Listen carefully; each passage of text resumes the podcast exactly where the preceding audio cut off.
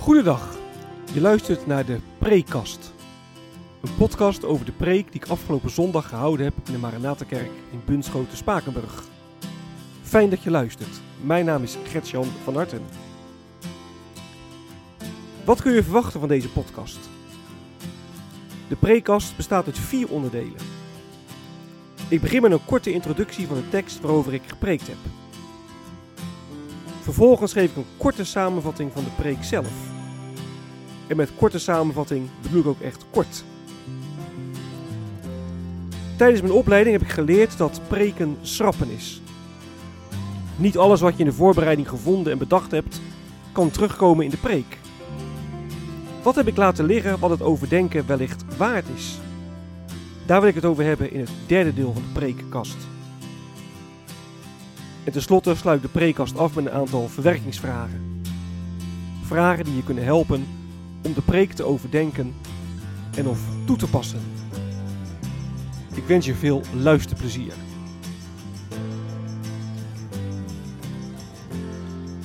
De tekst.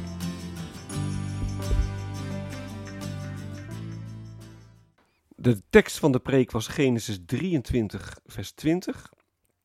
En we hebben heel Genesis 23 gelezen. In Genesis 23 staat beschreven dat Sarah, de vrouw van Abraham, stierf. Abraham die wil zijn, uh, zijn vrouw begraven. En hij gaat dan met de Hethieten onderhandelen. Hij koopt voor uh, 400 zilverlingen van de Hethiet Efron een stuk grond met een grot erop, waar hij zijn vrouw kan begraven. En dan zegt vers 20, de tekst van de preek. Zo gingen het stuk grond en de daarop gelegen grot van de Hethieten over op Abraham en kwam hij in het bezit van een eigen graf. De preek.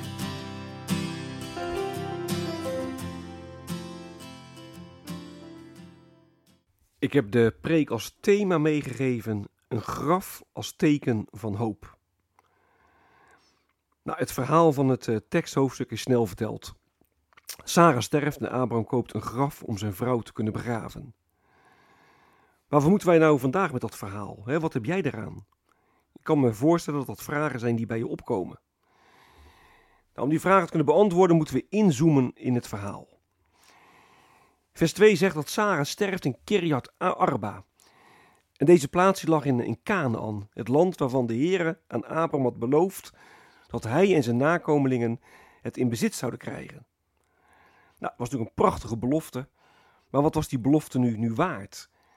de Heer had gezegd, Abraham, jij krijgt het hele land, jij en je nakomelingen. Maar Abraham die, ja, die bezat niet meer dan, ja, dan een graf. Ja, wat heb je aan Gods beloften? Dat is een vraag waar je mee kunt uh, worstelen. En God heeft bijvoorbeeld ons beloofd dat Hij als een goede vader voor ons zal zorgen. Maar waarom word je dan ziek? God heeft beloofd hij goed voor je zorgt, maar waar was Hij toen je misbruikt werd? En wat zijn die beloften van God nou waard? je kunt teleurgesteld je geloof verliezen. En dan wil deze geschiedenis van Abraham je echt bemoedigen. Hebreeën 11, vers 13 zegt dat Abraham slechts een, een glimp te zien kreeg van wat God hem had beloofd. een glimp, dat is een, ja, dat is een vleugje. Het is niet helemaal scherp, maar toch. Het graf van Sarah was het eerste stukje dat Abraham in bezit kreeg. Het eerste stukje van het beloofde land. Het was een glimp. God komt zijn belofte vroeg of laat echt na. Nou, Efron die verkoopt voor 400 zilverlingen een grot en een stuk land aan Abraham. En dat was echt een ja, belachelijk hoge prijs. Maar Abraham betaalt de prijs zonder af te dingen. Het graf was de eerste stap van de vervulling van Gods belofte. De belofte dat Abraham en zijn nakomelingen het land zouden krijgen. En er is een hoge prijs voor betaald. En dat verwijst naar Jezus Christus. In hem zijn al Gods beloften vervuld en daar is de hoogst mogelijke prijs voor betaald, namelijk het leven van Gods Zoon. Jezus stierf voor ons en hij werd begraven. En het graf van Sarah verwijst naar het graf van Jezus, een graf als glimp van hoop. Nou, het lichaam van Sarah is tot ontbinding overgegaan. En dat was bij Jezus' lichaam niet zo. Jezus stond op uit de dood en hij verliet het graf. En daarmee werd de dood van zijn macht ontroond. En iedereen die zich aan Jezus overgeeft, iedereen die die, die belofte van Jezus gelooft, die mag delen in zijn opstanding. En zo is het graf van Jezus voor ons een glimp van hoop, een teken van het feit dat de dood verslagen is en dat Jezus alles nieuw gaat maken. En daar loopt de hele wereldgeschiedenis op uit. En dat lijkt soms nog ver weg. En daarom geeft God ons als bemoediging van tijd tot tijd een glimp te zien. Nou, zie je, ze, zie je ze in je eigen leven. Glimpen van Gods trouw, glimpen van, van Gods zorg. Nou, dank God ervoor als je ze ziet. Maar misschien zie je ze ook niet. En dan mag je je echt door het tekstgedeelte laten bemoedigen. En Genesis 23 herinnert ons aan Gods trouw. Een graf als glimp van hoop. En we zullen nog veel meer te zien krijgen. Wat is blijven liggen?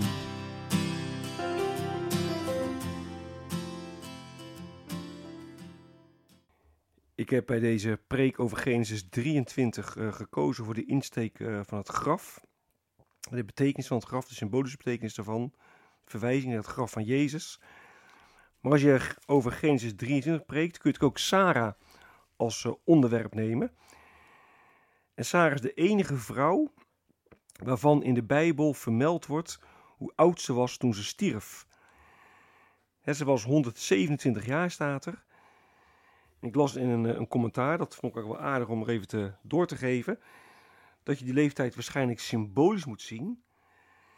Want in Genesis 6 vers 3 staat dat de Heer zegt dat een mens niet langer dan 120 jaar leeft.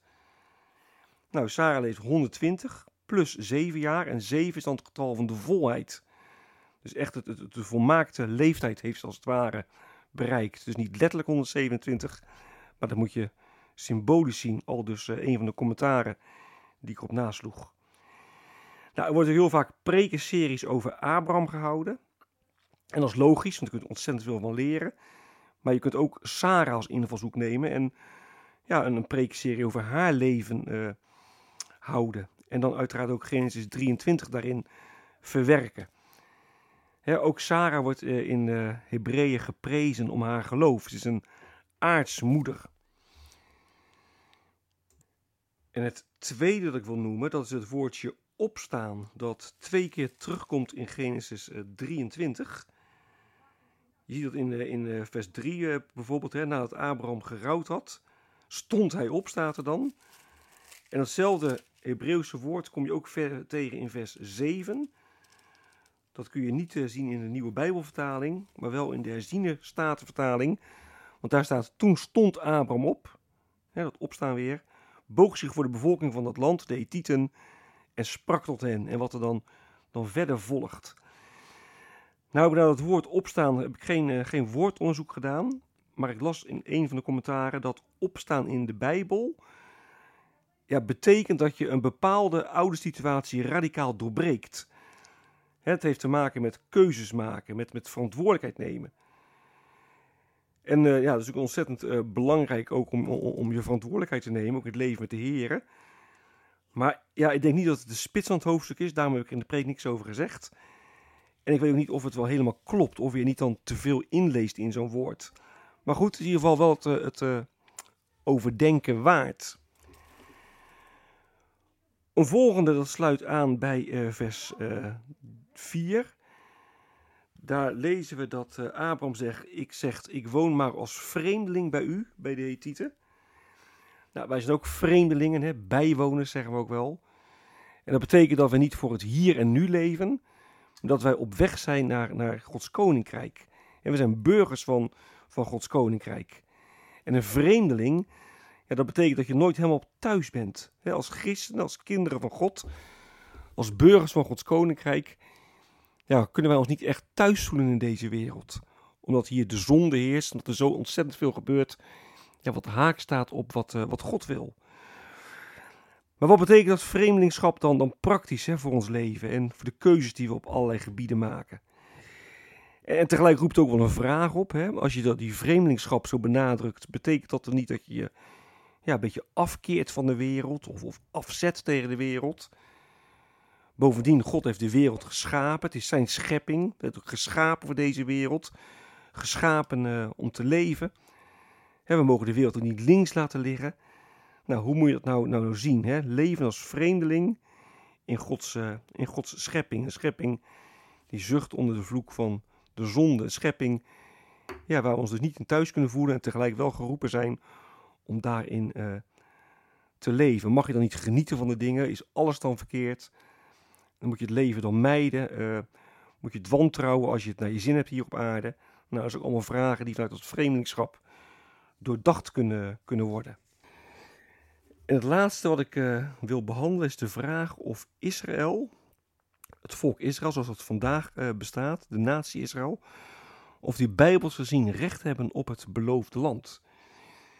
Kun je zeggen, uh, de Heer heeft aan Abraham, tegen Abraham gezegd, jij en je nakomelingen zullen dit land krijgen. Dus Israël, de Joden, hebben vandaag de dag recht op het land Israël. En wat betekent dat dan voor de, de Palestijnen die al eeuwenlang wonen? En wat betekent dat voor de bezette gebieden waarin Palestijnse families die er al zo lang wonen, verdreven worden van hun land en niet langer uh, de akkers kunnen bewerken die ze al eeuwenlang uh, bewerkt hebben. Nou, er staat in, in Genesis 23 dat Sarah uh, stierf in Kirjat Arba, het huidige Hebron. Nou, vandaag de dag is, is Hebron bezet door het Israëlische leger. Is dat terecht, hè? omdat nou, Israël, ook Hebron dus, volgens de Bijbel aan het Joodse volk zou toebehoren? Nou, ik wil er twee kanttekeningen bij plaatsen, twee opmerkingen. Allereerst dat in de Bijbel de landbelofte altijd voorwaardelijk is. De Heer zegt jullie in Canaan zijn, het beloofde land, en jullie dienen mij. Ik sta centraal aan, jullie houden aan mijn geboden, jullie doen recht en gerechtigheid. Ja, dan is het land voor jullie. Maar doe je het niet, en lees je voor jezelf, sta ik niet centraal, uh, streef je geen recht en gerechtigheid na, ja, dan, dan komen er vijandige volken, dan zal het land worden afgenomen, dan kan het zelfs tot, tot ballingschap leiden. Nou, je kunt ook moeilijk zeggen dat het, het, het Joodse volk als geheel, hè, dat de staat Israël als geheel, echt helemaal voor de Here leeft. Je kunt niet zeggen dat ze uh, Jezus Christus erkennen als de koning der koningen. Sterker nog, heel veel Messias beleidende Joden, die hebben het ook echt, uh, echt zwaar in Israël.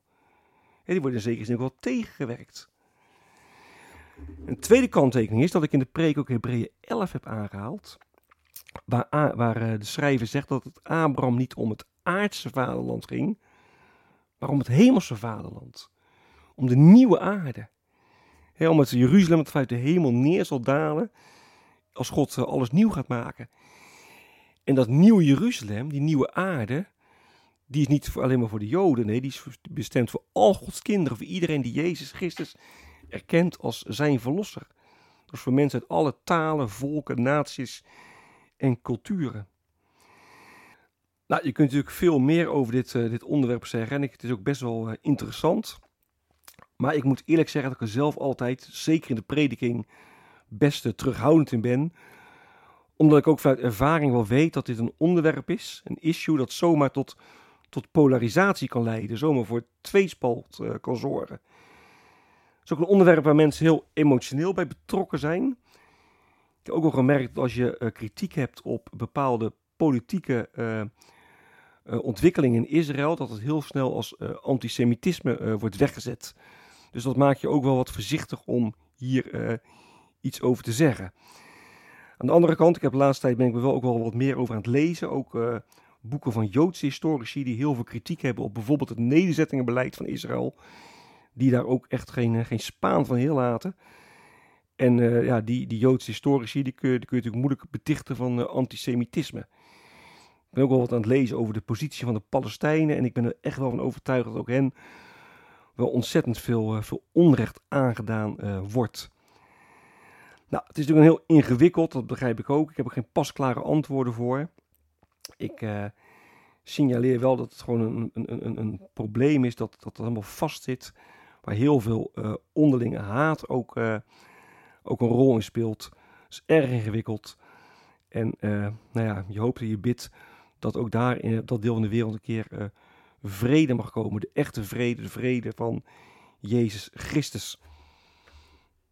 En laat uiteraard ook wel een, een, een diep geworteld verlangen zijn dat ook het Joodse volk Jezus Christus hè, mag erkennen als, uh, als, als, als de verlosser en de beloofde Messias.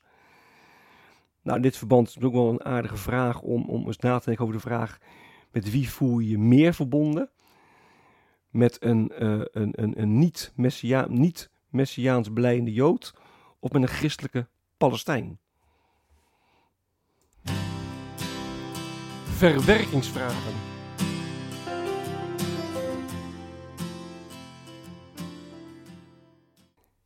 Thema van de preek was een graf als glimp van hoop. De eerste vraag die ik wilde stellen is: kun jij in je leven glimpen aanwijzen van Gods trouw en van Gods zorg? De tweede vraag is: in hoeverre put jij hoop uit het teken van het lege graf? Ik heb gezegd, een graf als, als glimp van hoop. Nou, in hoeverre put jij nou hoop uit dat teken? In hoeverre put jij hoop uit het uh, lege graf van Christus? Abraham die, uh, die zegt tegen de titel dat hij als een vreemdeling uh, leeft daar in dat land. En de vraag is dan, wat betekent nou voor jou leven van alle dag dat wij, net als Abraham, als vreemdeling op aarde leven? we zijn vreemdelingen en bijwoners nou, wat betekent dat nou voor, gewoon voor jouw praktische leven? Voel je inderdaad vreemdeling? Waaruit blijkt dat? Waaruit niet? En de laatste vraag is: in hoeverre vertrouw jij erop dat God zijn belofte aan jou ook echt daadwerkelijk vervult? Dus vertrouw er echt op dat God al die beloften die jou gedaan heeft, dat hij die ook echt waar zal maken. Dit is het einde van de prekast. Mocht je vragen of opmerkingen hebben, dan kun je me mailen op mailadres van hartengretjan.gmail.com van Ik wens je nog een hele prettige dag. Hartelijk dank voor het luisteren. En wie weet tot een volgende keer.